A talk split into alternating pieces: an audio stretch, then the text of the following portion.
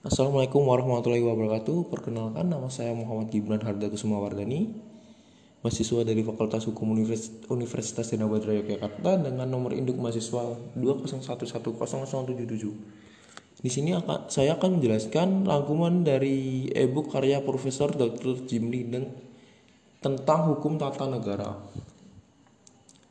Disiplin ilmu hukum tata negara. A. Negara sebagai objek ilmu pengetahuan.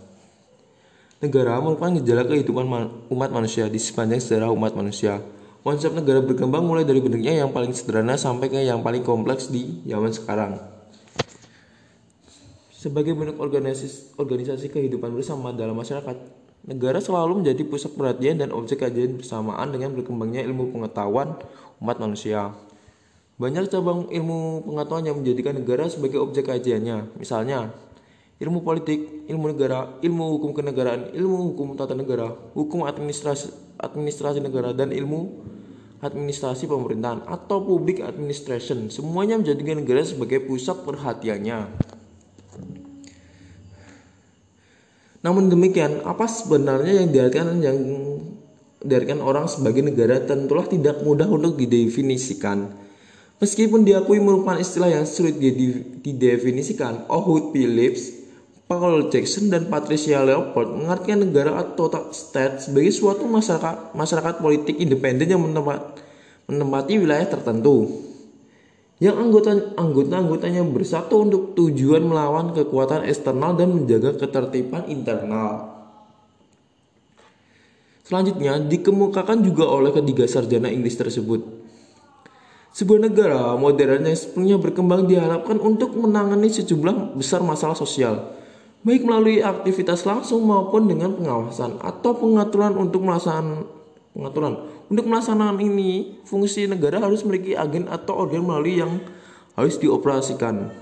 Pengangkatan atau penetapan agen atau organ ini sifat umum, umum mereka, fungsi dan kekuasaan, hubungan antar dan antar mereka dan warga negara, membentuk sebagian besar dari konstitusi suatu negara. Secara sederhana, para sarjana sering diurek seiring diuraikan adanya empat tindak pokok dalam setiap negara, yaitu suatu wilayah tertentu, penduduk, pemerintah, dan kedaulatan. Namun demikian untuk menguraikan pengertian negara dalam tatanan yang lebih filosofis dapat merujuk pada pendapat seorang ahli yang bernama Hans Kelsen dalam bukunya berjudul General Theory of Law and State yang menguraikan pandangannya tentang negara atau state a juristic entity dan dan state as politically organized society atau state as power. Elemen negara menurut Henkelsen mencakup satu The territory of the state seperti mengenai pembentukan dan pembubaran negara serta mengenai pengakuan atas negara dan pemerintahannya. 2. Tim elemen of the state, yaitu waktu pembentukan negara yang bersangkutan. 3. The people of the state, yaitu rakyat negara yang bersangkutan. 4. The competence the competence of the state as the material sphere of validity of the national legal order. Misalnya, yang berkaitan dengan pengakuan internasional. 5. Conflict of laws pertentangan antara tata hukum. 6. The social fundamental rights and duties of the state. Soal jaminan hak dan kebebasan as hak asasi manusia. 7. The power of the state. Aspek-aspek yang mengenai kekuasaan negara. Negara sebenarnya merupakan konstruksi, konstruksi yang diciptakan oleh umat manusia atau human recreation tentang pola hubungan antara manusia dalam kehidupan bermasyarakat yang diorganisasikan sedemikian rupa untuk maksud memenuhi kepentingan dan mencapai tujuan bersama. Apabila perkumpulan orang bermasyarakat, bermasyarakat ini diorganisasikan untuk mencapai tujuan sebagai satu unit pemerintahan tertentu, maka perkumpulan itu dapat dikatakan diorganisasikan secara politik dan disebut body politik atau negara states sebagai society politically organized. Negara sebagai body politik itu oleh ilmu negara dan ilmu politik sama-sama dijadikan sebagai objek utama kajiannya. Sementara ilmu hukum tata negara mengkaji aspek hukum yang membentuk dan yang dibentuk oleh organisasi negara itu. Ilmu politik melihat negara sebagai apolitical society dengan memusatkan perhatiannya pada dua bidang kajian, yaitu teori politik, political theory, dan organisasi politik atau political organization. Ilmu politik sebagai bagian dari ilmu sosial lebih memusatkan perhatian pada negara sebagai realita politik, seperti dikatakan oleh M. G. Yaitu politically Politics can only be understood through the behavior of its participant and that this behavior is determined by social force, social, economy, racial faction. Ilmu politik hanya dimengerti melalui perilaku para partisipannya yang ditentukan oleh kekuatan-kekuatan sosial, ekonomi, kelompok-kelompok rasial, dan sebagainya.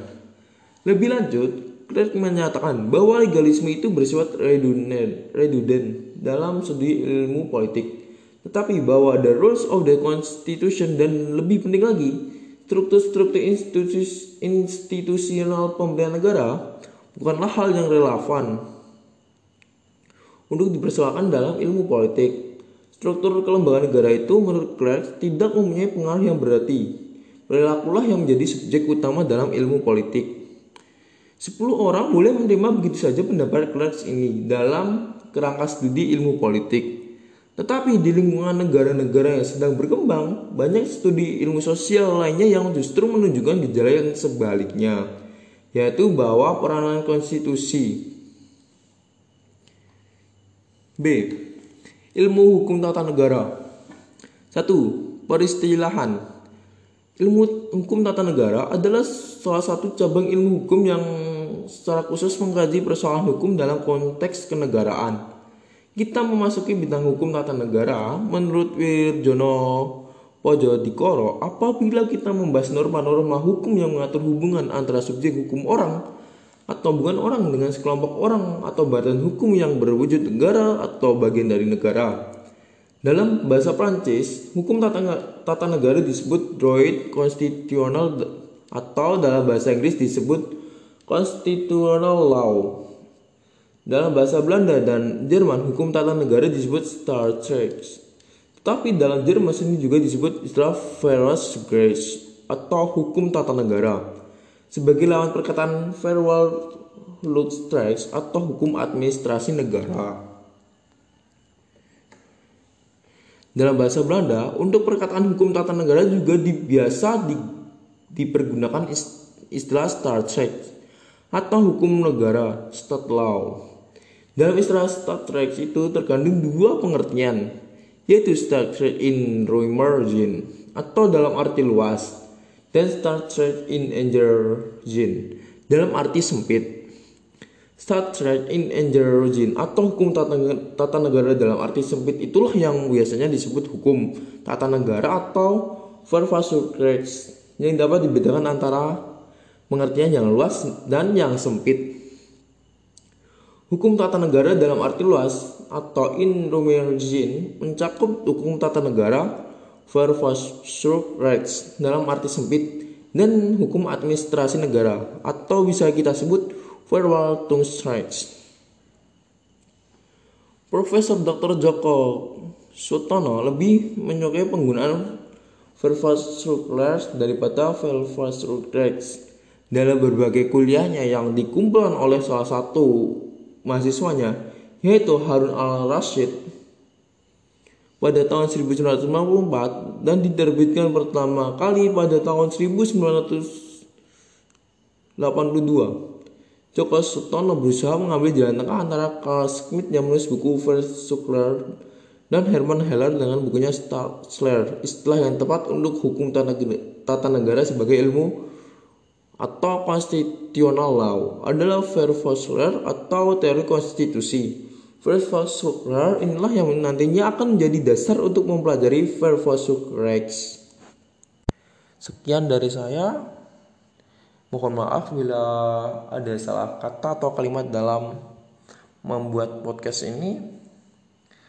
Assalamualaikum warahmatullahi wabarakatuh.